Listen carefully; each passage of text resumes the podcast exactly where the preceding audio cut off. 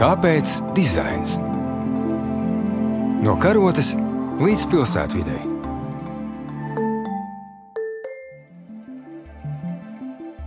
Esiet sveicināti raidījumā, kāpēc dizains jūs uzrunāja Ilza Dobele. Pasaulē dizaineri turpina domāt par to, kā vidi ap mums padarīt drošāku, proti, kā īstenot sociālo distancēšanos. Dažādi risinājumi ir vidē, grafiski iezīmējot cilvēku atrašanos noteiktā attālumā, parkos, pilsētu laukumos un darba vietā, birojos. Kā tajos šobrīd ir darbs un kā darba vietas telpas piemērot apstākļiem, kura noslēguma termiņu mēs nevaram paredzēt? Un kāda loma tajā ir dizainam? Saruna šodien ar Tetvaldes locekli cilvēku un vidas dienas direktoru Ingrīdu Roni un interjeru dizaineru Santu Meikulānu. Sveicinātas! Sveiki! Sākšu varbūt ar jautājumu jums abām, kā šobrīd uh, uzņēmumā norit darbs. Ingrīda, varbūt sāksim ar jūsu pieredzi. Jā, marts mums visiem, droši vien pasaulē un Latvijai bija tas pirmais eksperimenta gājiens, un tad man liekas, ka nu, jau ar šo otro vilni to pārsteigumu un, teiksim, tādu jaunievedumu ir krietni, krietni mazāk. Kopumā TED grupā mums ir divu tipu amatgrupas. Tie, kuri var strādāt attālināti, saucamie biroja darbinieki vairāk, un, protams, tās amatgrupas, kuras nu nekādi nevar aiznest darbu uz māju mājām. Mm, paldies, Santa! Jā, mēs esam noteikti daudz kompaktāka komanda nekā TET komanda, bet, kas ir interesanti, mēs diezgan ātri pārslēdzāmies uz jauno formātu. Ir skaidrs, ka mums ir, piemēram, tie aktīvie projekti, kas ir kaut kādā būvniecības un tādā celtniecības stadijā, un tur nav variantu. Vienkārši jau es braucu autoru uzraudzībās un ievēroju to visu, kas ir jāievēro, bet uh, pēc paraugiem ir, ir jābrauc un viņi ir jāstāsta reālā vidē. Tas ir mūsu darba sastāvdaļa.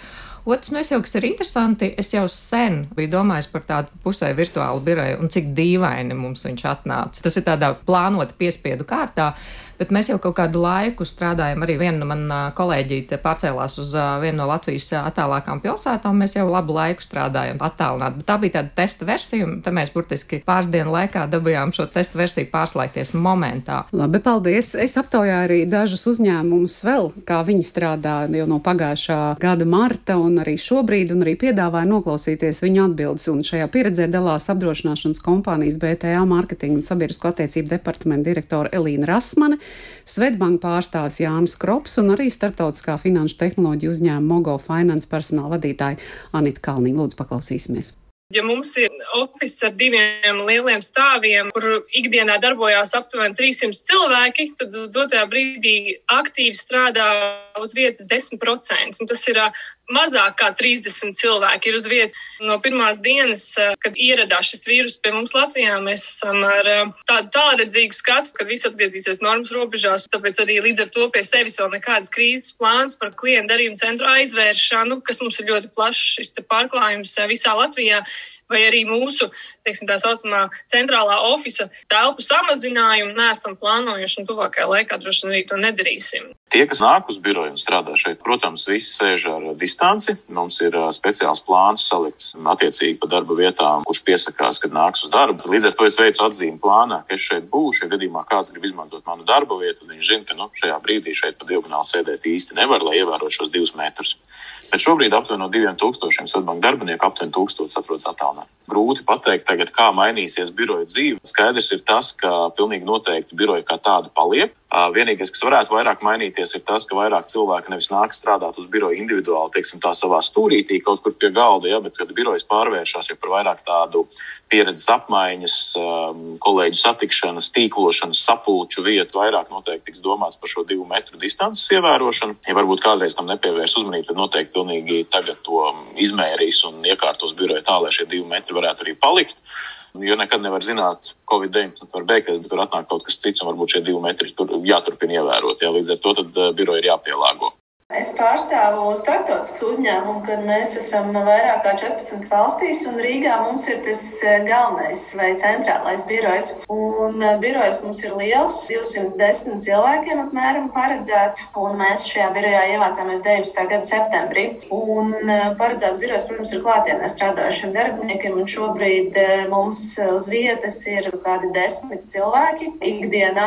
Mums ir dažādas darbinieku grupas. Nu, tas, ko mēs plānosim, kad ir cilvēki, kuriem ir tās patstāvīgās vietas, un iespējams ir cilvēki, kuriem nav tās patstāvīgās vietas. Mēs jau vasarā kļuvām kompaktāki un saspiedāmies. Nu, dažādiem iemeslu dēļ palikām visi vienā stāvā un bija telpas, kuras mēs pārveidojām. Tā kā tagad tas atvērtā tipa birojas vairs neliekās nemaz tik liels plus.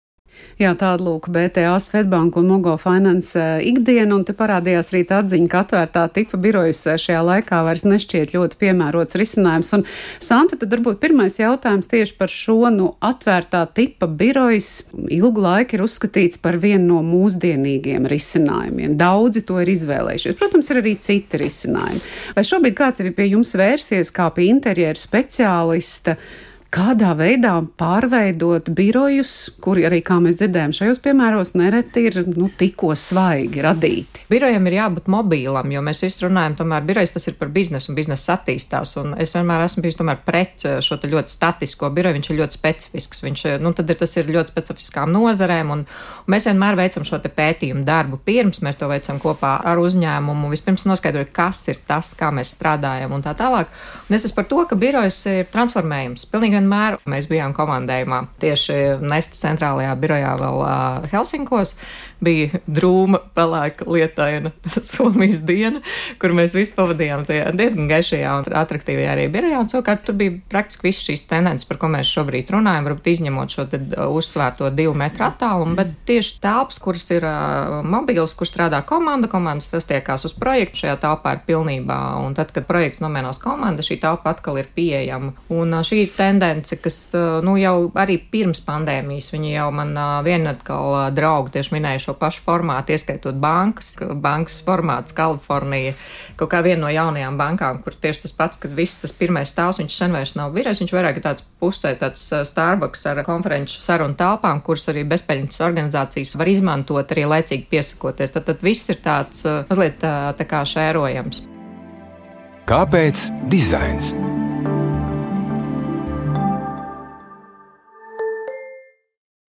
Ingrīda un Teta pieredze ir pirms vairākiem gadiem veidojot šo biroju, kas ir pēc darbinieka veicamā darba uzdevuma veidots un tam pielāgotas telpas un līdz ar to iekārtojumu. Lūdzu, pastāstiet par to. Jā, nu, manuprāt, tieši par šādu tipu biroju tikko stāstīja arī Sante, un tas saucās aktivitātēs balstītais birojs, un mēs viņu nosaucām par viedo biroju metropoli. Šīs biroja tips ar mums dzīvo jau sešus gadus. 14. gadā mēs viņu sākām plānot. Toreiz mēs bijām te pirmie Baltijā, Latvijā pilnīgi noteikti noteikti. Un, uh, Runājot par biroju un par biroja dizainu, es gribu tā kā varbūt nelielu atkāpi. Tātad pirmkārt, nevar runāt vienkārši par dizainu, par mēbelēm. Nu, lūk, tādi pēdējie trendi, tāpēc mēs lūk pirksim šādus vai mm. tādus galdus vai mm. krēslus. Mm, birojas ir daļa no uzņēmuma kultūras, kultūra ir daļa no uzņēmuma stratēģijas. Un šim linkam un šai saistībai, nu, manuprāt, nu, ir absolūti jābūt, jo tikai tad mēs dabūnam to uzvedību, kādu mēs sagaidām no šīs organizācijas un no tās darbiniekiem. Veidojot uh, toreiz metropoli, mums bija arī gan veikti pietiekami apjomīgi pētījumi par to, kā darbinieki jūtās un kas viņiem patīk vai nepatīk, gan analizējam, kas ir tās vajadzības un tieši kā kādām aktivitātēm. Šis aktivitātēs balstītais ar to ir burvīgs, kad uh, tu mērtiecīgi veido vietas komandām, individuālam darbam, klusākas, skaļākas, vienkārši satikšanās vietas. Tagad jau, kad ir izdotas arī grāmatas, tad izrādās 16 tipi dažādu veidu šīs aktivitātes, kas mums notiek birojā. Arī dzen caur darbinieku viedokļu aptaujām, faktiski mēs nonācām pie sapratnes, kas ir tās sajūtas, kādas mēs vēlamies veidot tajā jaunajā birojā. Un, piemēram, viena no tām ir sadarbība. Aktīvāka, spontānāka sadarbība, un uh, otra lieta, kas bija tāda biznesa diktēta, mēs uh, vēlamies būt inovatīvāki un tātad savā ikdienas darbā un darba organizācijā veidot vidi, kur tai inovācijai dzimt. Un tā mums radās šī metropola. Mēs arī apzināti izvēlējāmies tādu nosaukumu, kas tā kā uzreiz tev rada asociācijas, ja, ka tas nevis tur teta birojas vai vēl kaut kāds, bet ka tas ir metropola, tas ir kaut kas pilnīgi cits.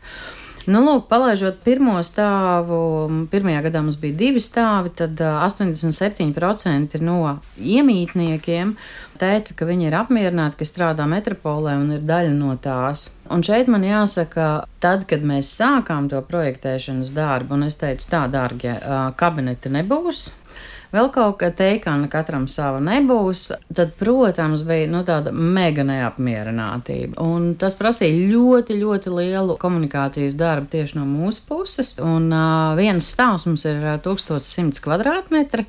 Un tā lielākā bažas bija, ak, Dievs, kā es atradīšu kolēģi. Un tad šeit jau sākas tas nākamais, tātad darba organizācija. Tad nepietiek ar to, ka mēs sazīmējam, kā mēs liksim mēbeles, bet darba organizācija arī ir jāmainās. Bet ja tas jau bija tik ļoti balstīts pēc šīm aktivitātēm nepieciešamajiem uh -huh. darbiniekiem, vai šobrīd jūs šķietami domājat vispār kaut ko mainīt? Šo te metropolu 3.0, kā mēs nu jau viņu nosaucām, eksperimentu un tiešām izmantojot dizaina domāšanas metodus. Mēs veicām pagājušā gada jūlijā, augustā, un faktiski nākamā tā izpēta mums bija par to, ko tad cilvēki no tā marta, aprīļa vēlas saglabāt, nu, un ko pilnīgi noteikti nē, un kas trūka, un kas kā reiz bija ļoti pieņemami un patīkami tad tas secinājums ir tāds, ka šo te attālinātu vai elastīgo formu, ka es izējot no situācijas vai no darba uzdevumiem, es vai nu strādāju birojā, vai nu ārpus biroja, ka lielais vairums vēlas saglabāt. Eksperimentā mēs sadalījām divos stāvos. Tad mums bija klusais stāvs ar domu, ka šis ir stāvs individuālam darbam un komandu stāvs. Un mēs redzējām, ka tas ļoti labi strādā. Plus, tā tad mums ir ieviesta darba vietu rezervācija. Tu zini, ka tev ir rīt jādodas uz biroju, tu norezervē darba vietu numuru 100. Tu zini, ka tu uz viņu attiecīgi arī dzen dodies. Tur tiek ievēroti visi metri un pārējās lietas. Ja mums ir jābūt kā komandai, Tad mēs rezervējam komandas vietu. Mēs ieviesām arī autostāvvietu rezervāciju, šobrīd ir ekskluzīvi, ka jebkurš darbinieks, kas dodas uz biroju, var braukt ar uh, automašīnu un tādējādi uh, nodrošinot nu, vēl to papildus savu veselības drošību, nebraucot ar sabiedrisko transportu un novietot bez maksas uzņēmuma stāvvietā. Es laikam tomēr dodu priekšroku pēc iespējas mazāk kontaktiem. Bet Santa vēl gribēja kaut ko varbūt komentēt par šo. Jā, šajā nestas birojā Somijā praktiski bija tas, ko jūs visi stāstat, tas ir precīzi. Tā, tā, tā inovācija, jā, tad, tad mēs Latvijas uzņēmumi visi iet laikam līdzi, un mums ir iespēja arī būt inovatīvākiem. Es domāju, ka tāpēc, ka mēs arī kā nācija ļoti fleksibli pielāgojamies arī dzen jauniem apstākļiem, gan čīkstēt mēs, protams, bet uh, tur savukārt alternatīvas visam uh, ierasties ar automašīnas. Domāju, tur var izskatīt opcijas, ka uzņēmums uh, dod iespēju ar, braukt ar velosipēdu un skrējrateni, mm. un tas viss mm. paliks uh, siltāk ilgāks laiks, es domāju, ka tas viss arī dzen ieviesīsies. Otrs vēl nianses tas, ka cilvēkiem ir iespēja pārcelties un dzīvot laukos. Jā, bet paskatoties dažus no piemēriem pasaulē, gribētu pieminēt divus. Tā Londonas arhitekta birojas Weston Williamson un partners vizualizēja biroja telpas, kurā precīzi nodalīja ieejas zonu, tātad, lai dezinficētu rokas, viņam nepieciešams mm. ir izmērīt ķermeņa temperatūru, darba zonu un vietu, kur uzturēties pusdienlaikā. Un oficiālā tad nebūtu jāatver nevienas durvis. Darba vieta plānojums paredz prasītos divus metrus starp darbiniekiem, un pie galdiem tad būtu vēl stiprināta caurspīdīga aizslietņa, līdzīgi kā šeit, radio studijā. Un darbinieki uz darba nāktu komandās, un sapulces notiktu nevis kabinetos, bet tādā atvērtākā biroja vidē. Savukārt kafijas un pusdienas tās gatavotu īpaši nolikt atsevišķa persona, lai katram nebūtu jāizmanto kopējā virtuve un vai jādodas uz veikalu atkal ārpus biroja. Savukārt San Francisco bāzētais Form for Architecture birojas izveidojis sociālās distancēšanās ieteikumus saviem silīcija ielejas birojiem, un tie paredz likvidēt teju visas kopīgās telpas un norāda, ka īpaši nodalītas darba vietas ar vairākām starpsienām kļūs par normu līdz šim atvērtajos oficios un tāpat puduros praktizētie 320 grādu rakstām galdu, ko mm. droši vien ir saprotams, Jā. kas te ir varētu tikt izmantot arī mm. turpmāk, bet papildus arī tos aprīkojot ar šādām pašām caurspīdīgām aizsargu barjerām un arī izvietot tos nepieciešamajā distancē.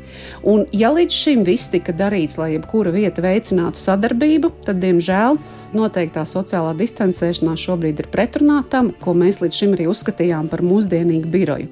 No kā birojiem, biroju vadītājiem būtu jāsāk domāt, lai pielāgotu birojus esošos tā kā viņi ir pārsvarā nu, šajā virzienā, par kuru mēs visi runājam. Kas būtu tas sākuma punkts un tiešām kur šeit ir dizains kā strateģisks plānošanas rīks vai elements, nu ne tikai uh, estētisku un funkcionālu mm. nozīmi?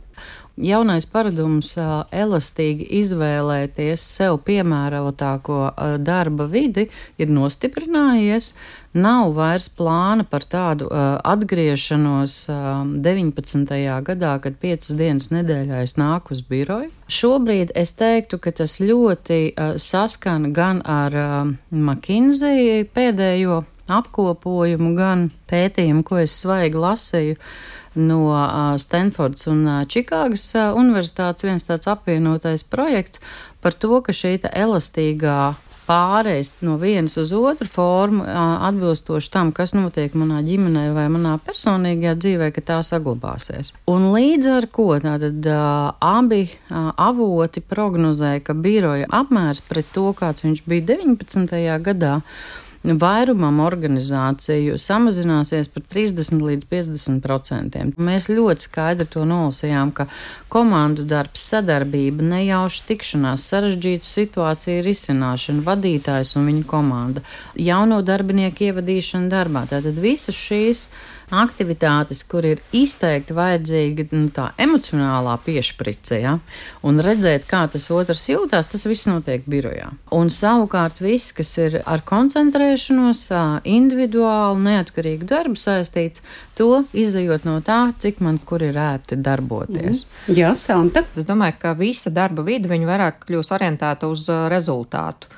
Jo nav jautājums, kā tu sasniedz to rezultātu, bet uh, varbūt jā, viņš ir atsevišķos posmos, viņš ir jautājums, bet vairāk ir šis rezultāts, tad, tad tas nozīmē, ka mainīsies tā visa komandas organizēšana, arī tas formāts tikpat labi, tas šis komandas sapulcs varēs notikt tur parkaus soliņi, kas kādreiz bija kategoriski, varbūt neiespējami, vai tas tai pašā Eh, kafejnīcas formātā un tā tālāk, kas it kā vienā brīdī vairs nav populārs, jo tas vairs nav nopietni, bet mēs pie tā viss atgriežamies, pie daudz brīvākas uztveres, bet orientētas tieši uz to gala rezultātu. Principā tas, kas ir freelancam, ir ļoti, ļoti pazīstams eh, formāts, bet viņš ieviesīsies vēl kaut kādās citās, varbūt pat tādās vēl konservatīvākās nozarēs. Mēs arī izgājām cauri tiem jaunajiem pētījumiem, bija tāds uzstādījums arī, ka, piemēram, lielajiem birojiem būs šis viens tāds centrālais, kur eh, tā kā ir tie noteiktie mītiņi, un tad būs tādi daudz tā kā kā apkārt tādi mazie, mazie, bet viņi ir nodalītie biroji. Jā, viņš drīzāk šis te totāli brīvais plānojums, un to jau es sen esmu skatījusies arī, ka šis totāli brīvais plānojums, viņš nav ļoti komfortabls visiem cilvēkiem, jo ir cilvēki, kam tiešām šis klusums ir nepieciešams. Ok, mēs varam lietot ausis, bet ir, kur ir nepieciešami tomēr tie mazie mītiņi, ir cilvēki, kas ļoti daudz zvana un runājās, un viņi tiešām traucē. Un šis ir tas viss pētniecības process, ja, ko te savukārt ir brīnišķīgi ir izdarījuši tajā procesā. Tas nozīmē, ka Pilnīgi noteikti. Nu, par biroju plānojumu vairāk uh, cilvēku un vadītāji noteikti vairāk domās, tieši iesaistot cilvēkus, to, ko es parasti arī prasu, šo te feedback atpakaļ no cilvēkiem. Tātad struktūra, kā cilvēki grib justies, kā viņi grib, pat ne tikai, ko mēs gribam, bet kā mēs varam sasniegt vislabāk tos rezultātus, kas ir, nu, noteikti rezultāti tajā, ko tu dari. Jā, tātad tas nozīmē, ka visticamāk mums visiem priekšā ir um, neparasts laiks, kuram mēs nevaram beigu termiņu šobrīd noteikt. Un uh, noteikti būtu ļoti interesanti uh, vēlreiz bet, uh, bet satik... viņš beigsies. pilnīgi noteikti viņš beigsies. satikties varbūt vēl pēc kāda pusgada vai gada, vai šī situācija būs radījusi vēl kādu papildus nepieciešamību un tam, kādā veidā mēs vēl būsim spiesti tam pielāgoties. Bet, diemžēl, šodien man saruna tiešām, diemžēl, ir jābeidzas. es atgādināšu, ka sarunājos ar Tēta valdes locekli cilvēku un vidas dienas direktoru Ingrīdu Roni un interjeru dizaineru Santu Meikalānu. Un noslēgumā vēl gribu teikt, ka Šī gada plānotajā Londonas dizaina bienālē tēma ir noteikta dizains krīžu laikmetā, un ar šo saukli tas aicina arī visu pasauli uz radikālu dizaina domāšanu. Risinājumiem sabiedrībā, tā izskaitā darba un sociālā vidē, un šī strādāšana no mājām, nu, vismaz tuvākajā laikā noteikti būs daļa no darba ikdienas un darba vietas apmeklēšana, un arī tās nozīme mūsu izpratnē mainīsies, varbūt jau tā ir mainīsies. Tāpēc arī piederības sajūta uzņēmumam un tā kultūrai iespējams izpaudīsies daudz citādāk nekā tas ir bijis līdz šim. Un cik ilgu laiku tas vai varbūt pavisam mūsu piemeklēs, to, protams, rādīs laiks. Paldies vēlreiz jums par sarunu. Raidījumu skaņu montēja Judīta Bērziņa, studijā Ielas Dobele. Uz tikšanos!